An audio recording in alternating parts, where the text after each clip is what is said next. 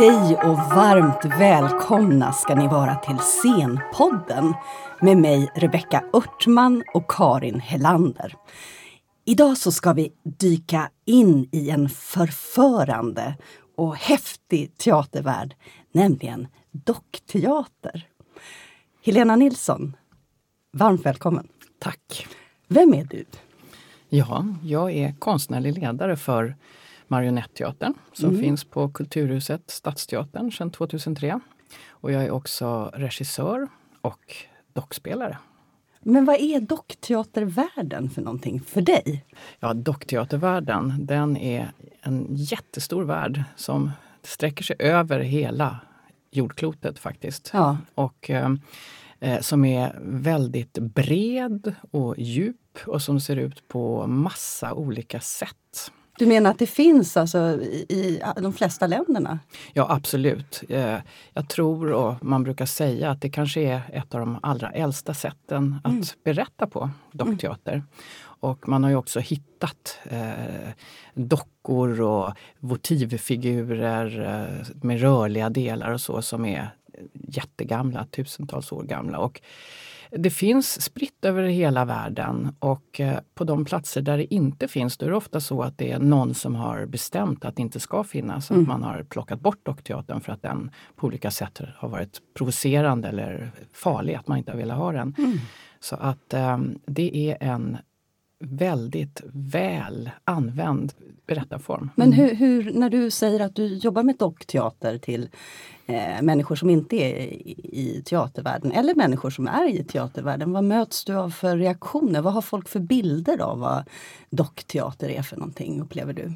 Ja, ofta så uppfattar man ju då att det är någonting som eh, en teaterform som framförallt riktar sig till barn eller mm. för att inte säga bara för barn. Mm. Och eh, kanske i synnerhet i Sverige men inte bara här. Den missuppfattningen finns på många håll faktiskt. Mm. Men i Sverige blir det extra komplicerat därför att på svenska så har vi ett ord för docka och det gäller alla typer av dockor. Dockor man leker med eller eh, mm. dockor man spelar teater med. Det skiljer man inte på. Ja. Och eh, lek är ju allmänt, helt felaktigt då förstås, men allmänt uppfattat som någonting lite oseriöst, eller hur? Och mm. barn är inte det som alla gånger står högst i kurs. Mm. Så att mm. då kan man få uppfattningen att det är någonting lite oseriöst. Men mm. när det gäller just det där namnvalet på andra språk, på engelska engelska, på franska, på, ja, på alla andra språk mm. praktiskt taget så skiljer man. Man har ett ord för docka som man leker med, eh, doll på engelska då till exempel och en som man spelar teater med, puppet. Ah. Så redan språkligt så gör man en eh, åtskillnad. Då, då. Just det. Mm. Det där är ju fantastiskt intressant för jag tänker också att ni gör mycket barnteater, dockteater för barn. Men hur, hur pass mycket syns ni för, för de vuxna med dockteater? Själva basen i vår verksamhet är ju eh, teater för barn. Mm. Så är det. Men när vi spelar teater för barn så är det ju också väldigt många vuxna som kommer. Och det är väldigt vanligt att det kommer vuxna som inte har med sig barn. Mm. Även till den föreställning som vi nu hade premiär på i februari i år som vänder sig till eh, människor i åldern 6 till 12 månader. Just det. Inte ovanligt att det kommer pu publik som da, inte da, har med sig... Ja, ja. Da, da, da ja. heter den. Ja. Superkioskvältare, utsålt hela tiden. Jag har sett den tre gånger vill jag bara säga. Jag har sett den en gång.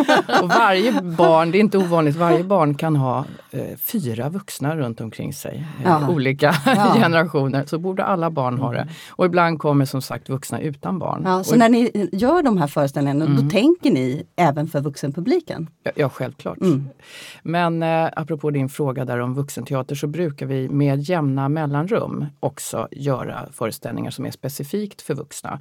Och just nu så håller vi på att repetera en föreställning som har premiär 15 februari. Mm. Och den heter Du och jag och det är i samarbete, det är jag och Bernard Cochard, mm. dansare och koreograf som eh, skapar den tillsammans och då står han på scenen för första gången som dockspelare. Mm. Så det är jättespännande. Så att eh, basen för barn men ständigt eh, saker enskilt för vuxna också. Mm. Men din teater heter ju Marionetteatern. Mm. Varför heter det inte bara Dockteatern, Kulturhusets dockteater?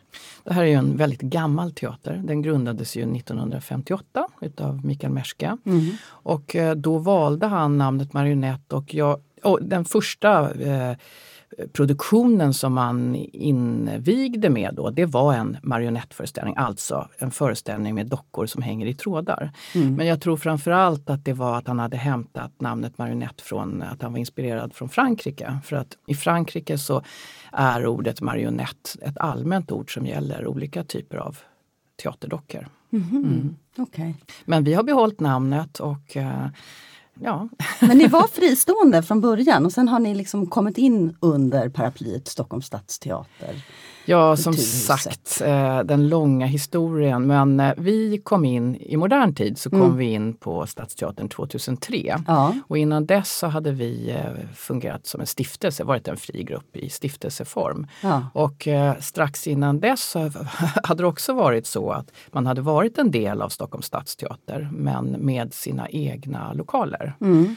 Så att det har sett lite olika ut under alla de här 60 åren. Mm. Och du har gått. varit chef i 14-15 år eller? Jag tog över 99. Efter Mikael ja, Mikael? Merske lämnade över till mig 99 och Ja. då blev jag teaterchef och konstnärlig ledare. Och eh, då låg teatern på Brunnsgatan 6 och vi hade två scener och vi hade ett museum och eh, verkstad och kontor och allt Mm. sånt. Mm. Och sen så kom vi in på Stadsteatern 2003. Mm. Och sen dess är jag konstnärlig ledare för verksamheten då. Och hur många produktioner gör ni på, på ett år? Alltså vi får en uppfattning om Ja. storleken. Vi får egentligen medel till en produktion. Men Ja. vi gör flera, vi gör åtminstone två produktioner. Ja. Och sen har ju vi våran egen scen på våning 3 i Kulturhuset.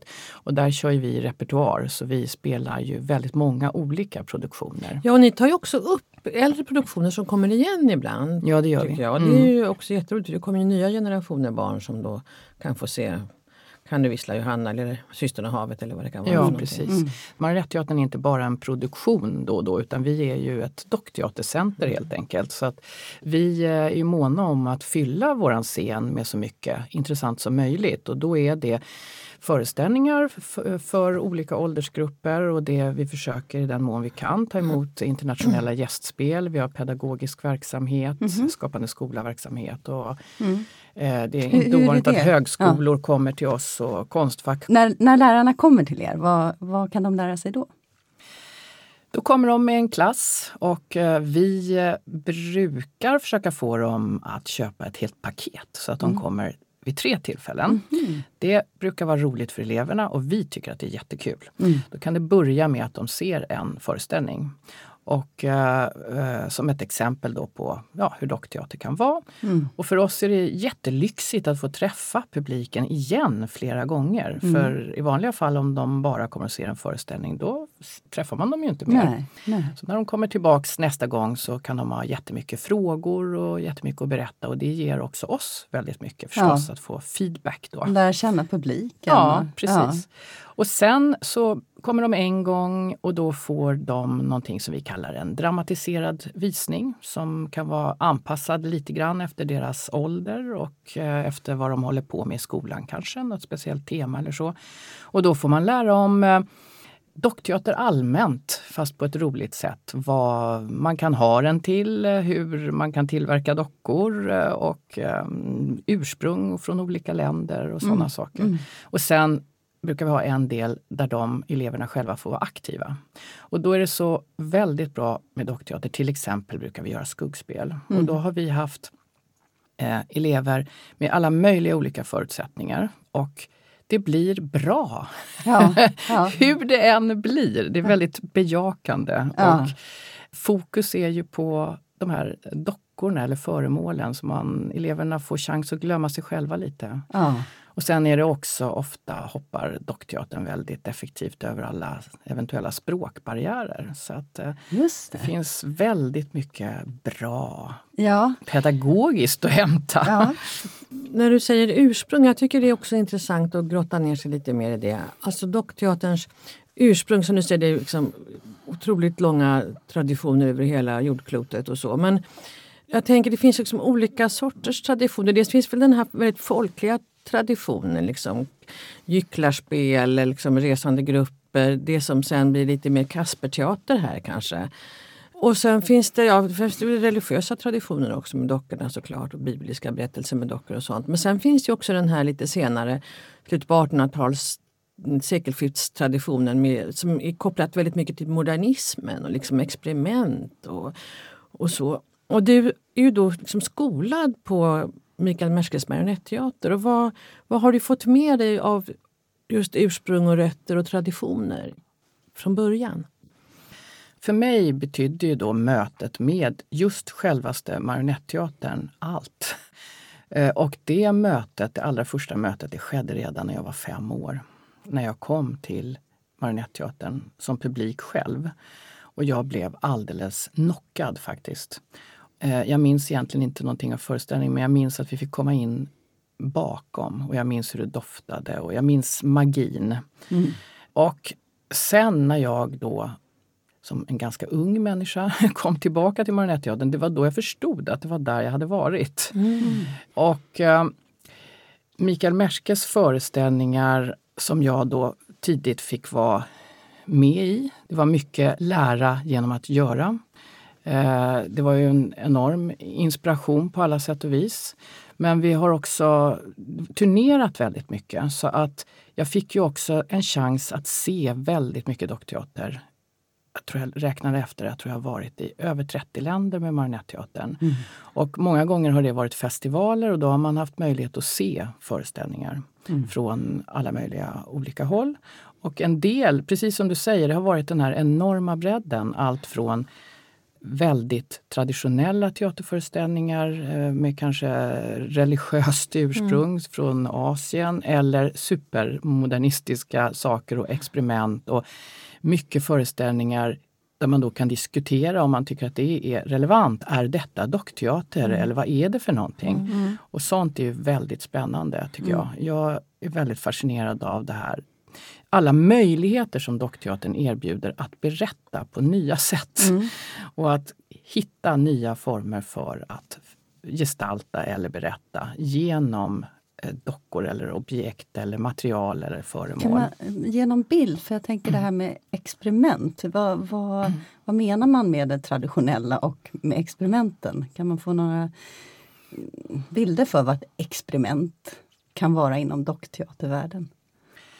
Ja, alltså det traditionella, ja då kanske man tänker sig att det är en föreställning som spelas med till exempel tråddockor och då är det tråddockor genomgående i hela föreställningen. Marionetter. Och det är inget fel på det. Det kan vara jätteanvändbart, och effektivt och roligt. Men eh, det kan ju vara skojigt också att Ja, om vi, bara för att nämna ett exempel så gjorde vi för ett par år sedan så gjorde vi föreställningen Papper. Och det var i regi av Bernard Cochard som jag nämnde tidigare.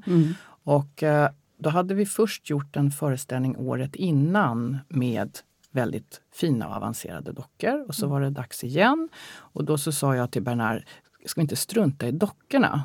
Och då tyckte han, vadå, men det är ju dockteater. Jo, jo, men egentligen så är det faktiskt så att dockteater handlar egentligen inte om dockorna, tänker Nej, jag. nej. Vi väljer något material, till exempel papper tog vi då. Och sen så gjorde vi en ja, dockteaterföreställning Ja.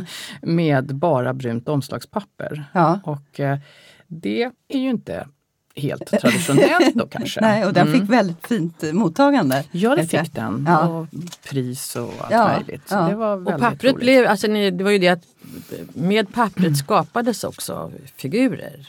Precis, precis. Mm. Är det det man kallar nya tekniker eller? Vad, ja, det är väl ett, uttrycket. ja, kanske. jag vet inte. Det... Men jag har en ganska, men det är kanske en fyrkantig uppfattning mm. eller som jag på något vis har lärt mig någon gång. Att det liksom från början så fanns det då ganska, just som du säger, rena tekniker. Man höll sig kanske oftare då till antingen handdockor, typ mm. alltså mm. Kasperdocks handdockor. Eller marionettdockor då med trådar eller stavdockor. Mm. Eller skuggspel. Mm. Men sen att det då har kommit så många, många fler blandformer. Också objektteater. Jag tänker Staffan Westerberg och mm. hans slevade strumpor och så. Det är också en mm. slags mm. objektteater. Ja men precis. Mm. Och sen att det har just, som du säger, det har börjat liksom blandas mycket mer i olika sorters blandformer. Ja, absolut. Det har ju vi gjort en del. Det här som vi håller på och blandar dockteater och dans som känns väldigt, på Marionetteatern då. Det känns ju väldigt relevant. Det finns väldigt många beröringspunkter och mm. ju mer man mm. håller på med det ju, ju mer mm. eh, upptäcker man hur mycket likheter det finns och så. Det är ju skojigt när man kan blanda sin konstform med andra mm. konstformer. Mm. Men också att det finns så många typer av dockor. Vad ska man kalla det då? Det är någon slags blandning eller mm. och just den här utmaningen att hitta nya mm. sätt man kan eh, spela nya saker som föremål eller material eller som mm. sagt som kan förmedla någonting. För som man det ger liv. Ja, för ja. det är ju det som är det intressanta. Mm. Och från tänker jag såna små, små fingerdocks, mm. alltså minidockor till mm. stora liksom, som är människoformat dockor eller som ibland bara nästan kanske masker som är en slags mellanting mellan masker och dockor. Och ja, och just det här att hitta det effektivaste sättet att framkalla de där känslorna eller berätta den där historien man vill. Mm. Och att det kan växla i en och samma föreställning. Mm. Det finns ju mängder med exempel. Men till exempel Systern från havet som du nämnde tidigare. Som var en historia som Ulf Stark skrev speciellt för Marionetteatern. Och som um, har tema då finska barn som kom till eh, Sverige som krigsbarn. Ja. Då bestämde vi oss för att vi skulle ha en typ av dockor som var lika stora som ungefär, ungefär lika stora som de fyraåringar, mm. fyra femåringar mm. som skulle vara publiken.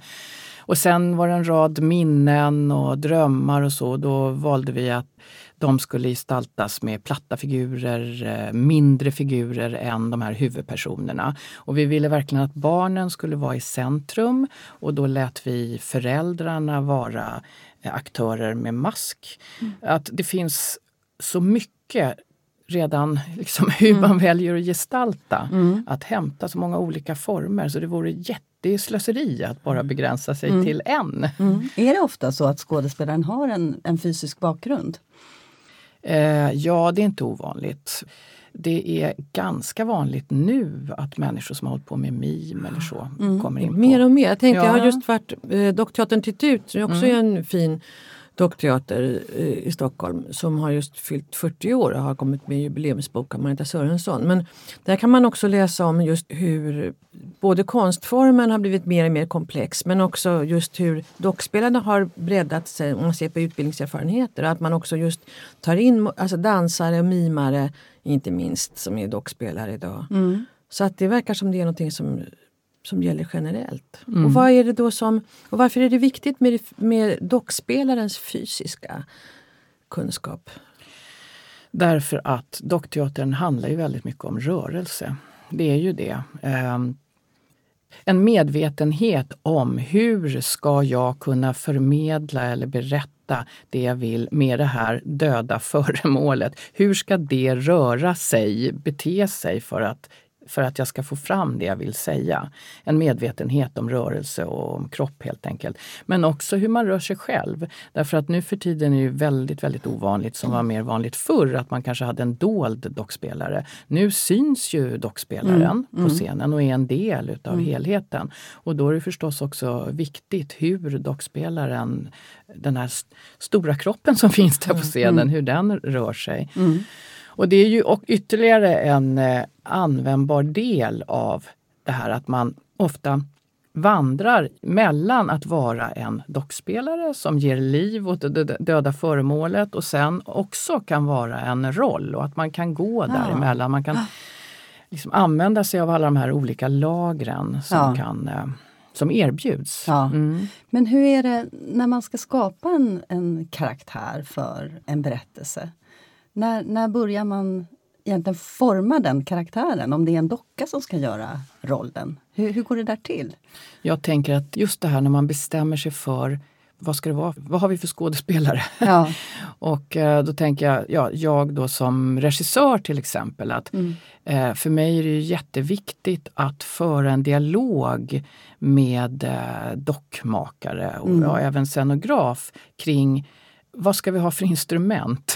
Mm. vad är det för, eh, hur vill vi att de här karaktärerna som ingår i den här berättelsen, om det nu är så, Mm. hur ska de vara utformade? Alltså dels hur de ser ut men också tekniskt. Mm. Och vad har den här levande kroppen som ju måste vara där, dockspelaren, Mm. vad har den för funktion? Har den mer än en funktion? Är den också en roll eller är den citationstecken bara en dockspelare?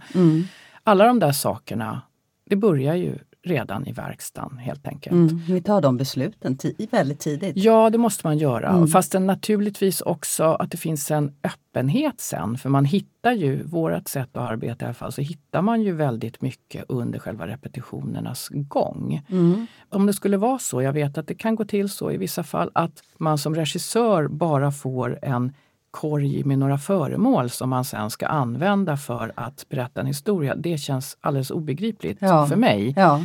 Därför att jag tycker att eh, det är så väldigt många val som har så stor betydelse Ja. och som man har chans att göra redan, eller redan på manusstadiet också. Hur hittar man sin dockmakare i dessa dagar?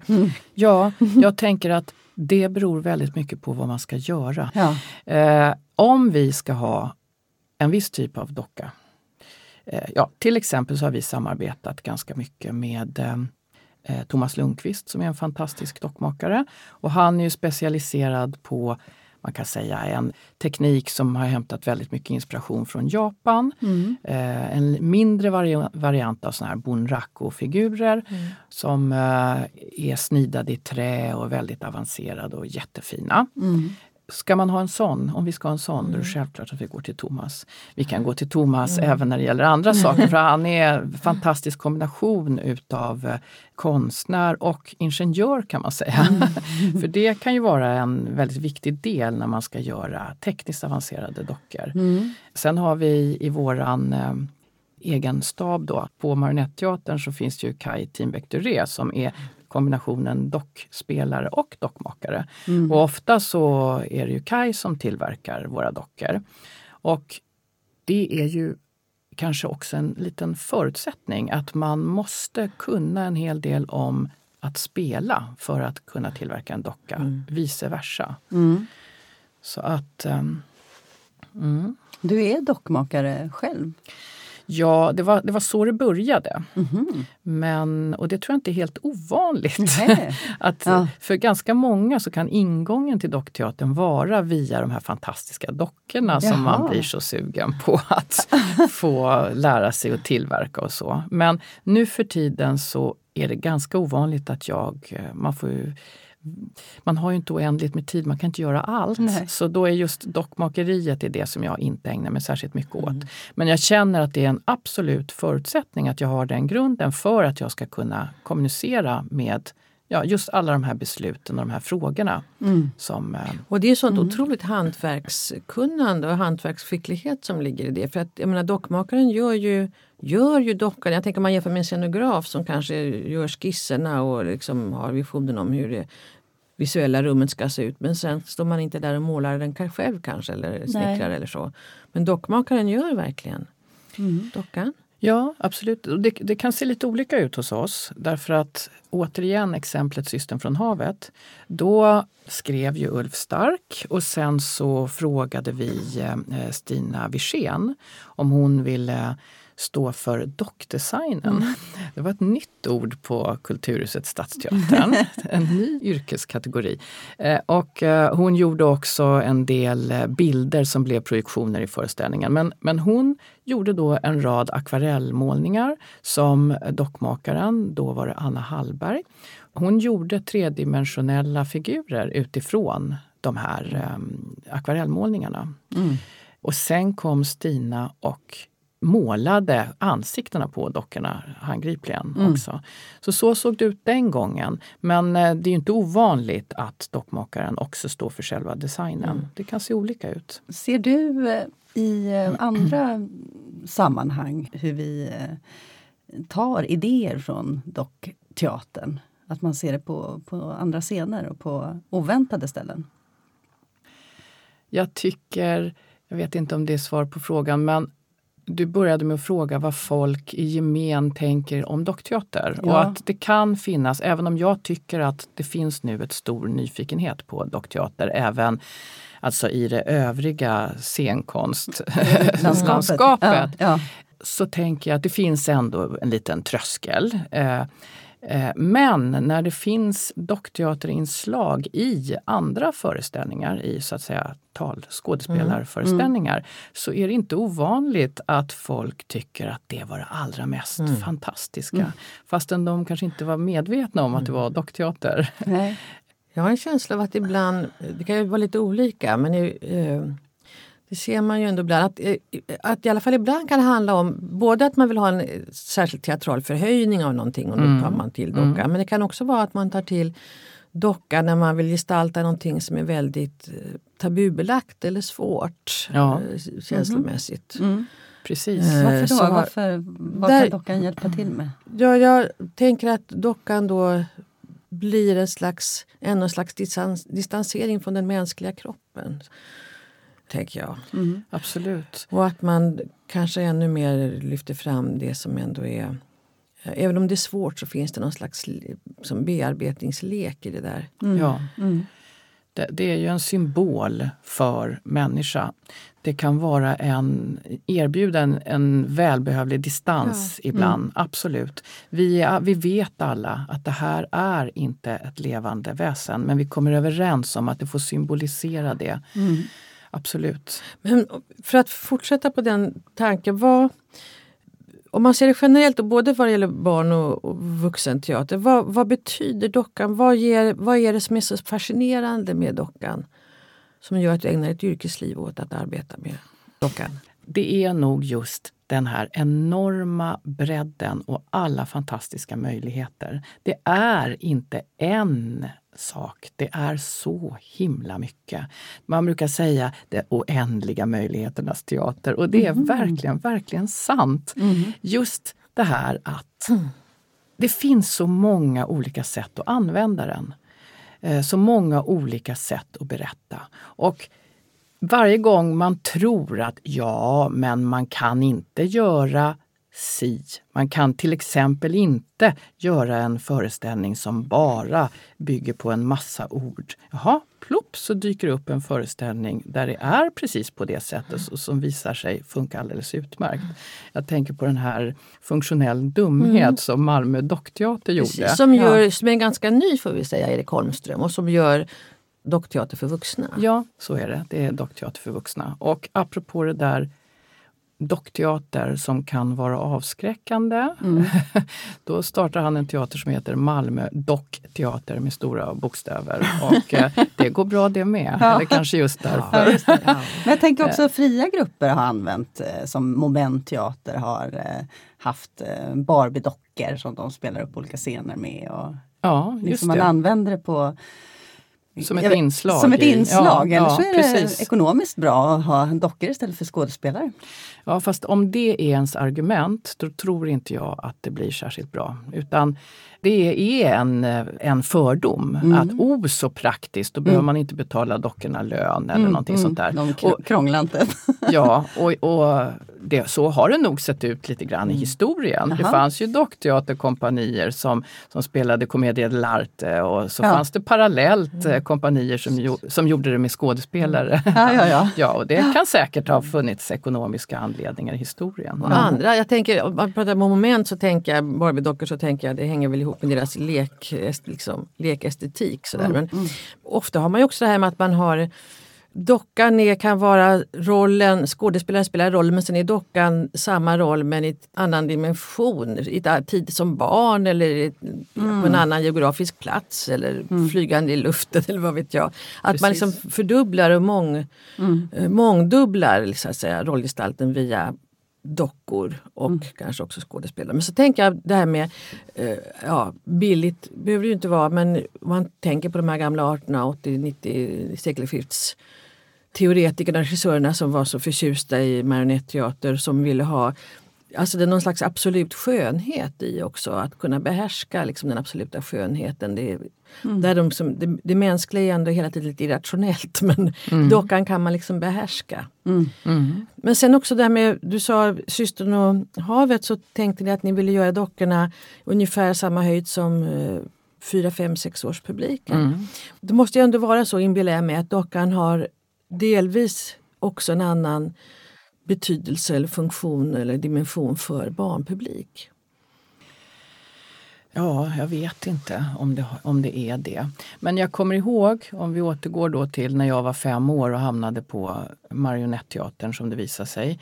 Då kommer jag ihåg att på scenen så fanns det en liten rödhårig figur och den var i ett runt ljus. Jättekonstigt bara det, en, ett runt ljus. Ovanför var det någon form av skugga som stod där och drog i några trådar. Ointressant tyckte jag att den var. Det var Mikael Merske förstås. och, men eh, dockan eh, levde och för mig så var det och den talade till mig. Och det var inte ett barn och det var inte en vuxen utan det var någonting annat och den talade till mig och det var väldigt starkt. Mm. Ja. Och när det kommer till barn så kanske det som är skillnaden mellan om ett barn och en vuxen tittar kan väl vara att vissa barn i en viss ålder kan faktiskt verkligen vara osäkra på om den här figuren lever eller inte mm. av egen maskin. Eh, vi vuxna kan ju glömma bort ja, att ja, den inte gör det men vi vet ju ändå om det på något sätt. Mm. Och också tänker jag ändå ligger närmre leken. Ja, alltså man tittar på barn som, om man smygtittar på barn som leker med sina leksaker, dockor till exempel, så är de ju väldigt levande i leken. Mm. Ja. Och det finns ju, det är liksom fortfarande aktuellt. Plus mm. tänker jag också identifikationen med den lilla. Någonting som har med storlek att göra också. Ja. Mm. Att vara liten i relation till en vuxenvärld som alltid är stor. Mm. Så är dockan ju ofta liten ändå. Mindre.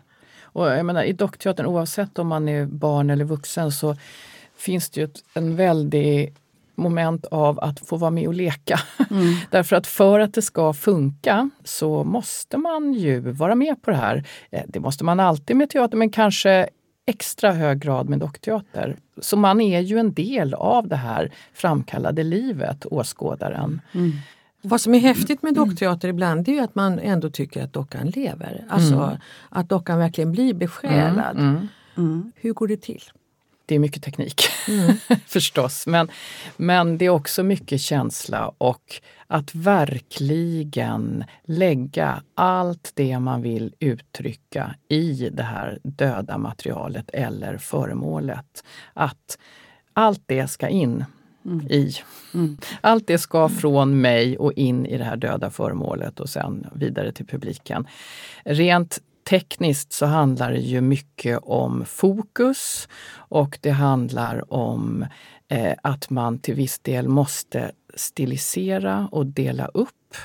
Om det händer allt för mycket grejer på en gång så fattar man ingenting. Det är väldigt mycket handlar om tydlighet. Mm.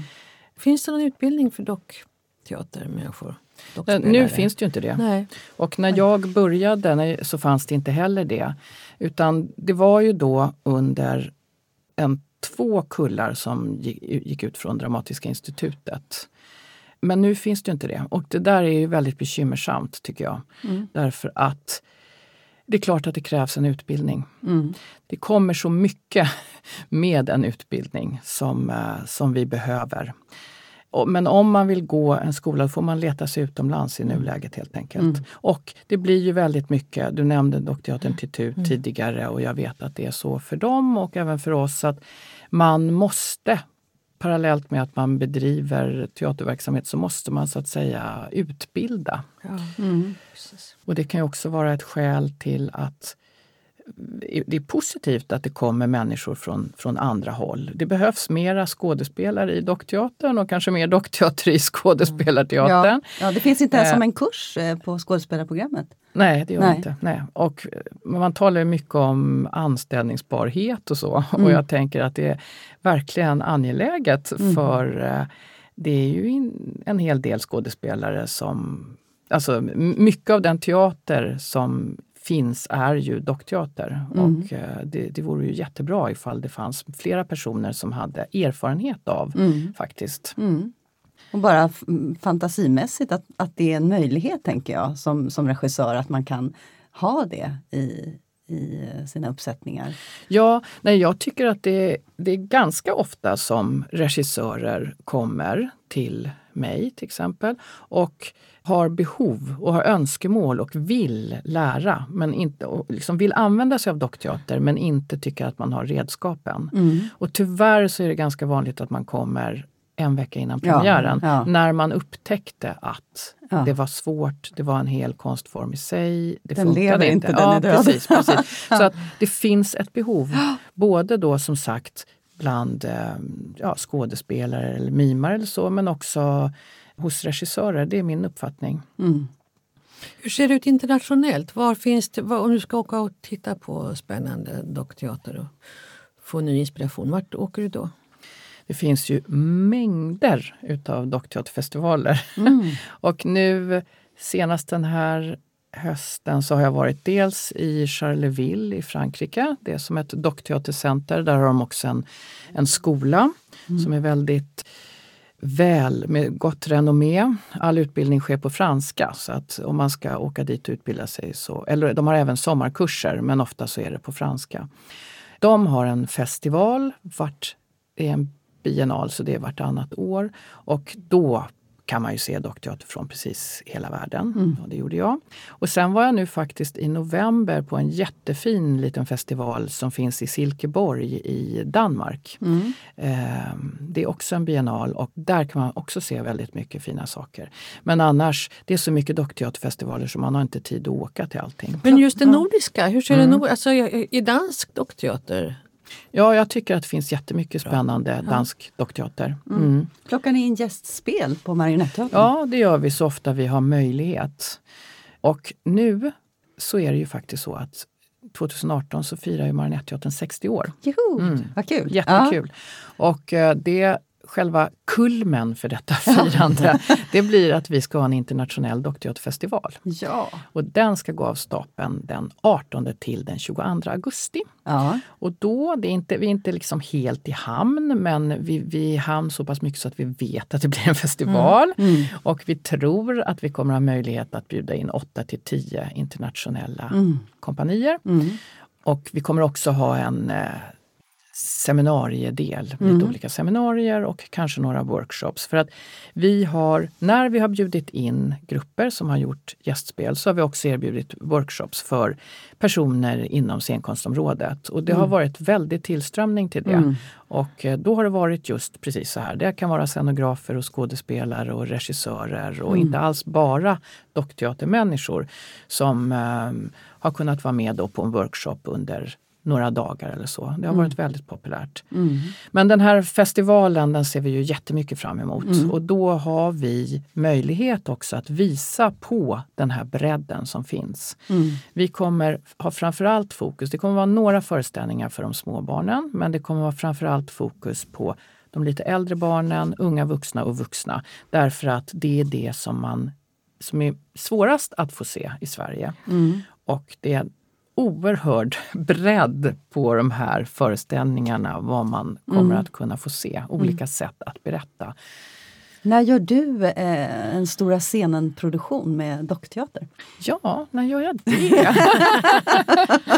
Vi får väl se. Det, det skulle vara roligt. Uh, för det är kanske också en sån där liten uppfattning ja. som finns. Att mm. dockteater, jaha, då är det väldigt smått. Ja, alltså, ja och man har det på, på den där scenen. Men, mm. det känns men så som... behöver det inte alls vara. Nej. nej, nej. Mm. Vad, vad hette den i London? Horse... Uh, uh, Warhorse. Warhorse ja. mm, till exempel. Det. Ja. var väl en stor succé under ja. flera år. Och det var ju en helt vanlig teaterföreställning med eh, några dockteaterinslag. Ah, ja. mm, som var, mm. eller inte bara några dockteaterinslag, det var en ganska stor del av föreställningen. Mm. Men eh, det var ju inte en dockteaterföreställning på Nej, det sättet nej. utan det var fantastiska hästar som var fantastiskt manipulerade som ingick i en vanlig teaterföreställning. Mm. Men, eh, ja, men den festivalen ser vi verkligen fram emot. Ja. Hur, hur ser kontaktnätet ut annars liksom inom Sverige med säg, dockteater, Malmö dockteater eller Titut eller vad finns Teater Sesam i Göteborg? Och,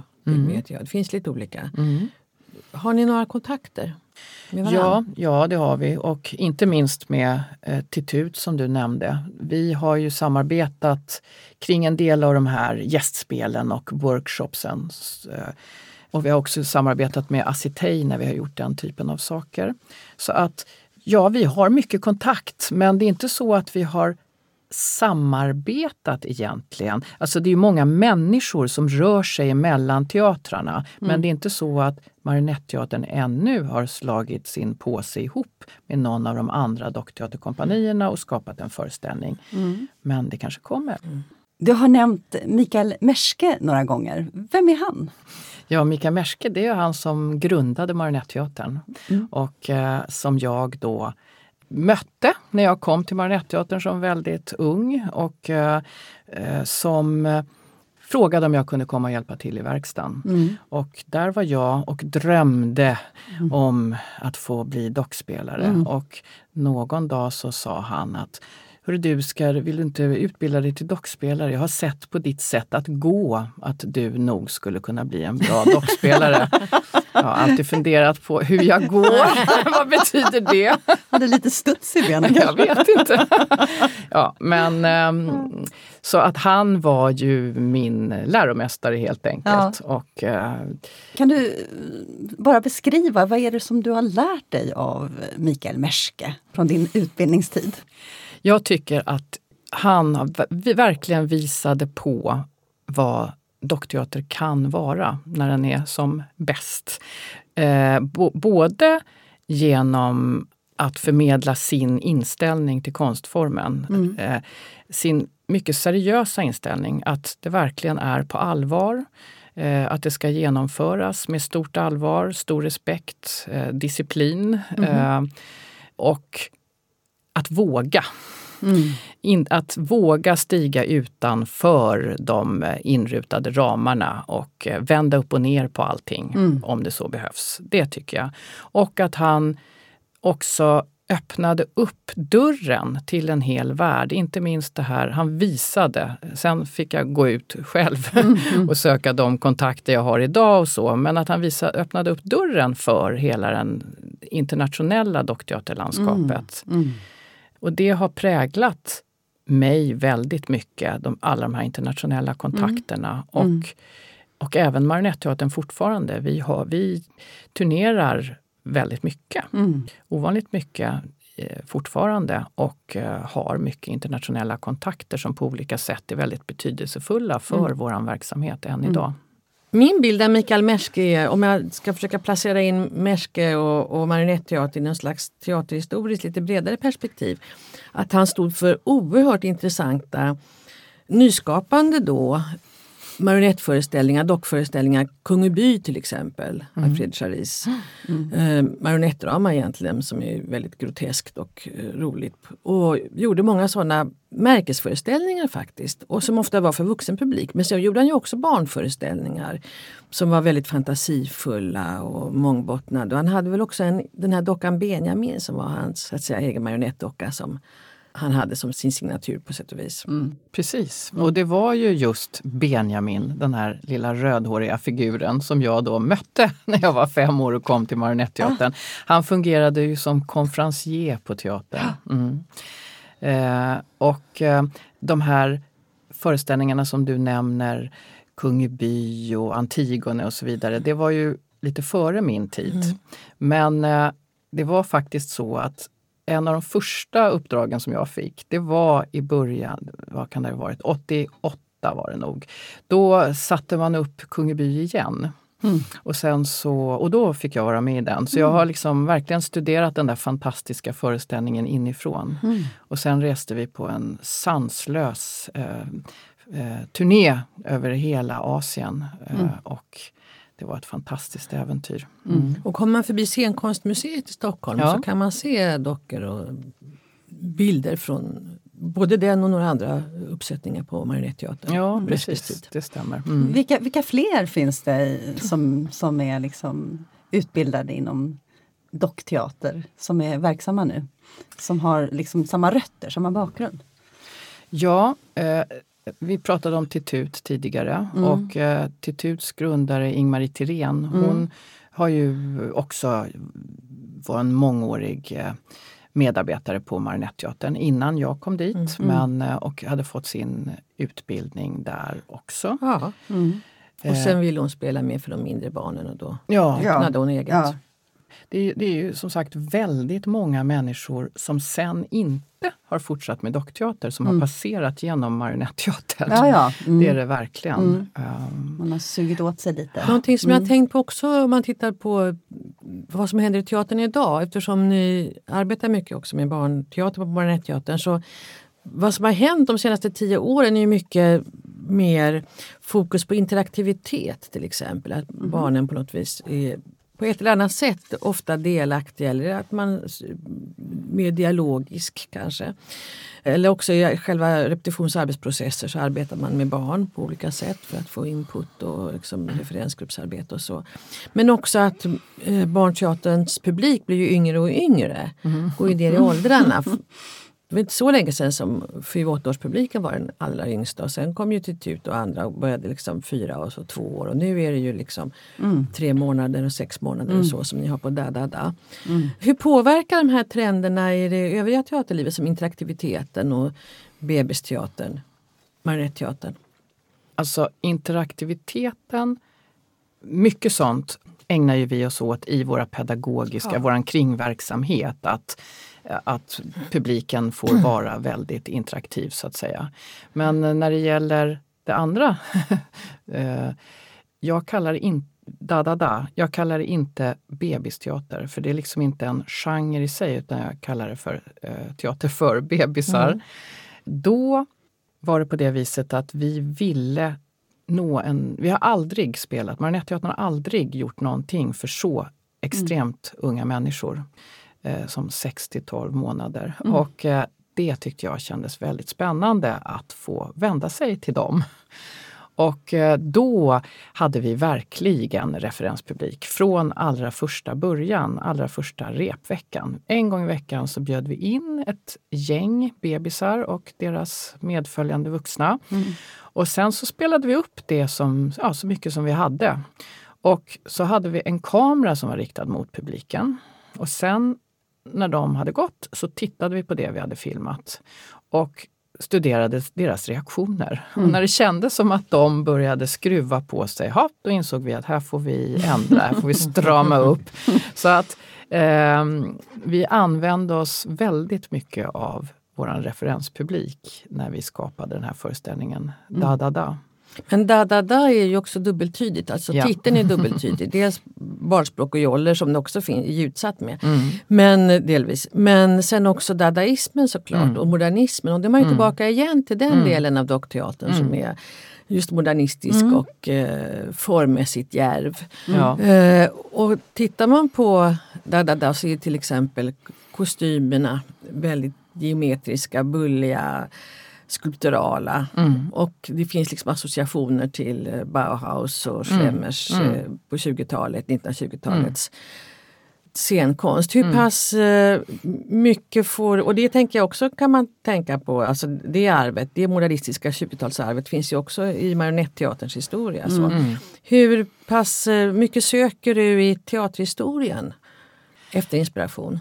Ja, när det gällde just Da Da Da här, då ville jag att vi skulle göra någonting för den här mycket späda publiken som de inte hittar någon annanstans, tänkte jag. Och eh, då låg det väldigt nära till hands att eh, kika på eh, konstens värld.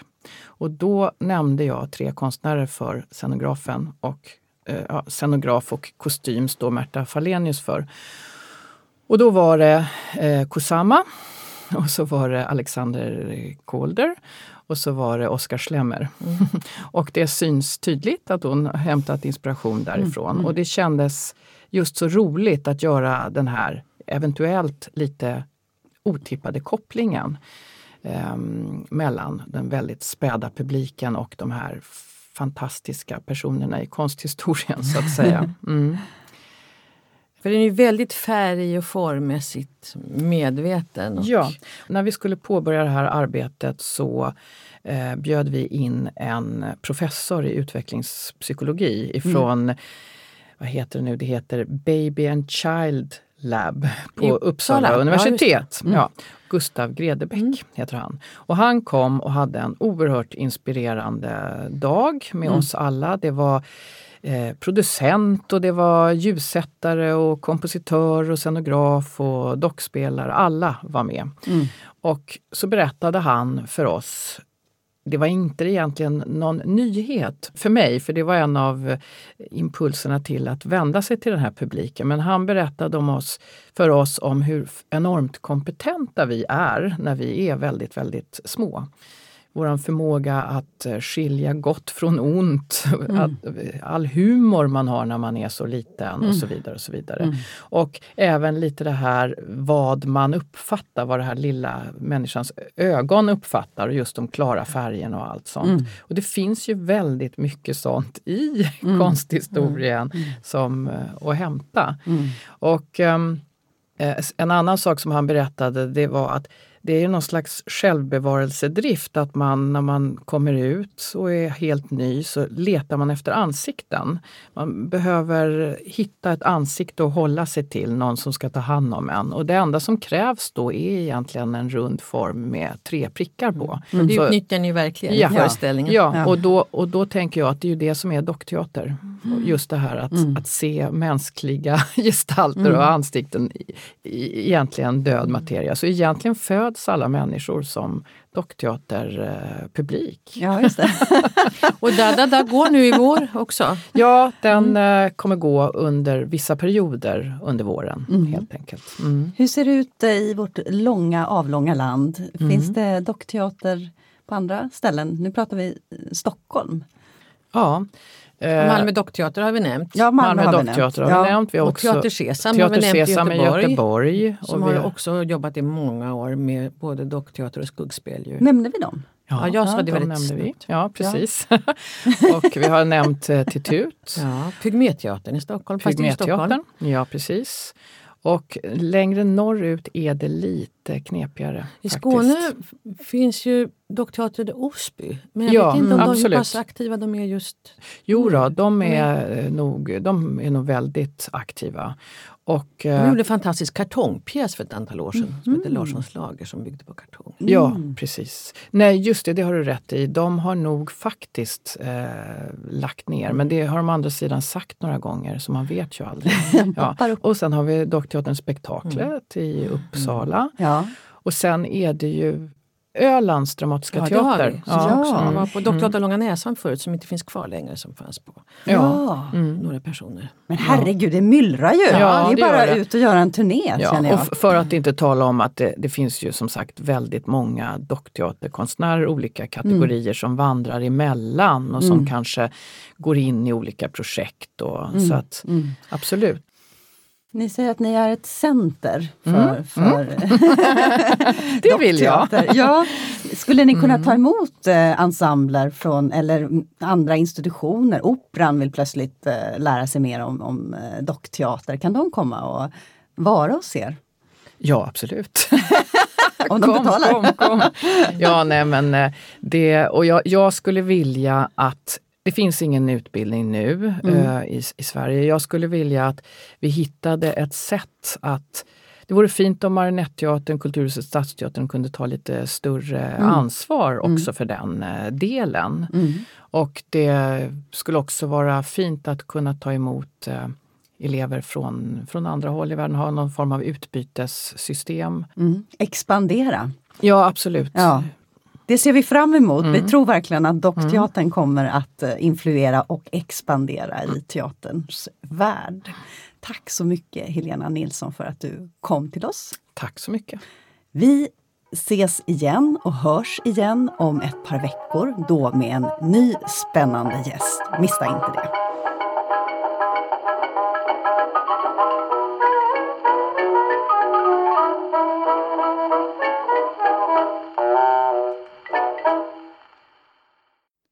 Du har lyssnat på Scenpodden, en podcast från Rats Teater och Humanistiska fakulteten vid Stockholms universitet. Podden spelas in på Språkstudion och tekniker är Henrik Nordgren.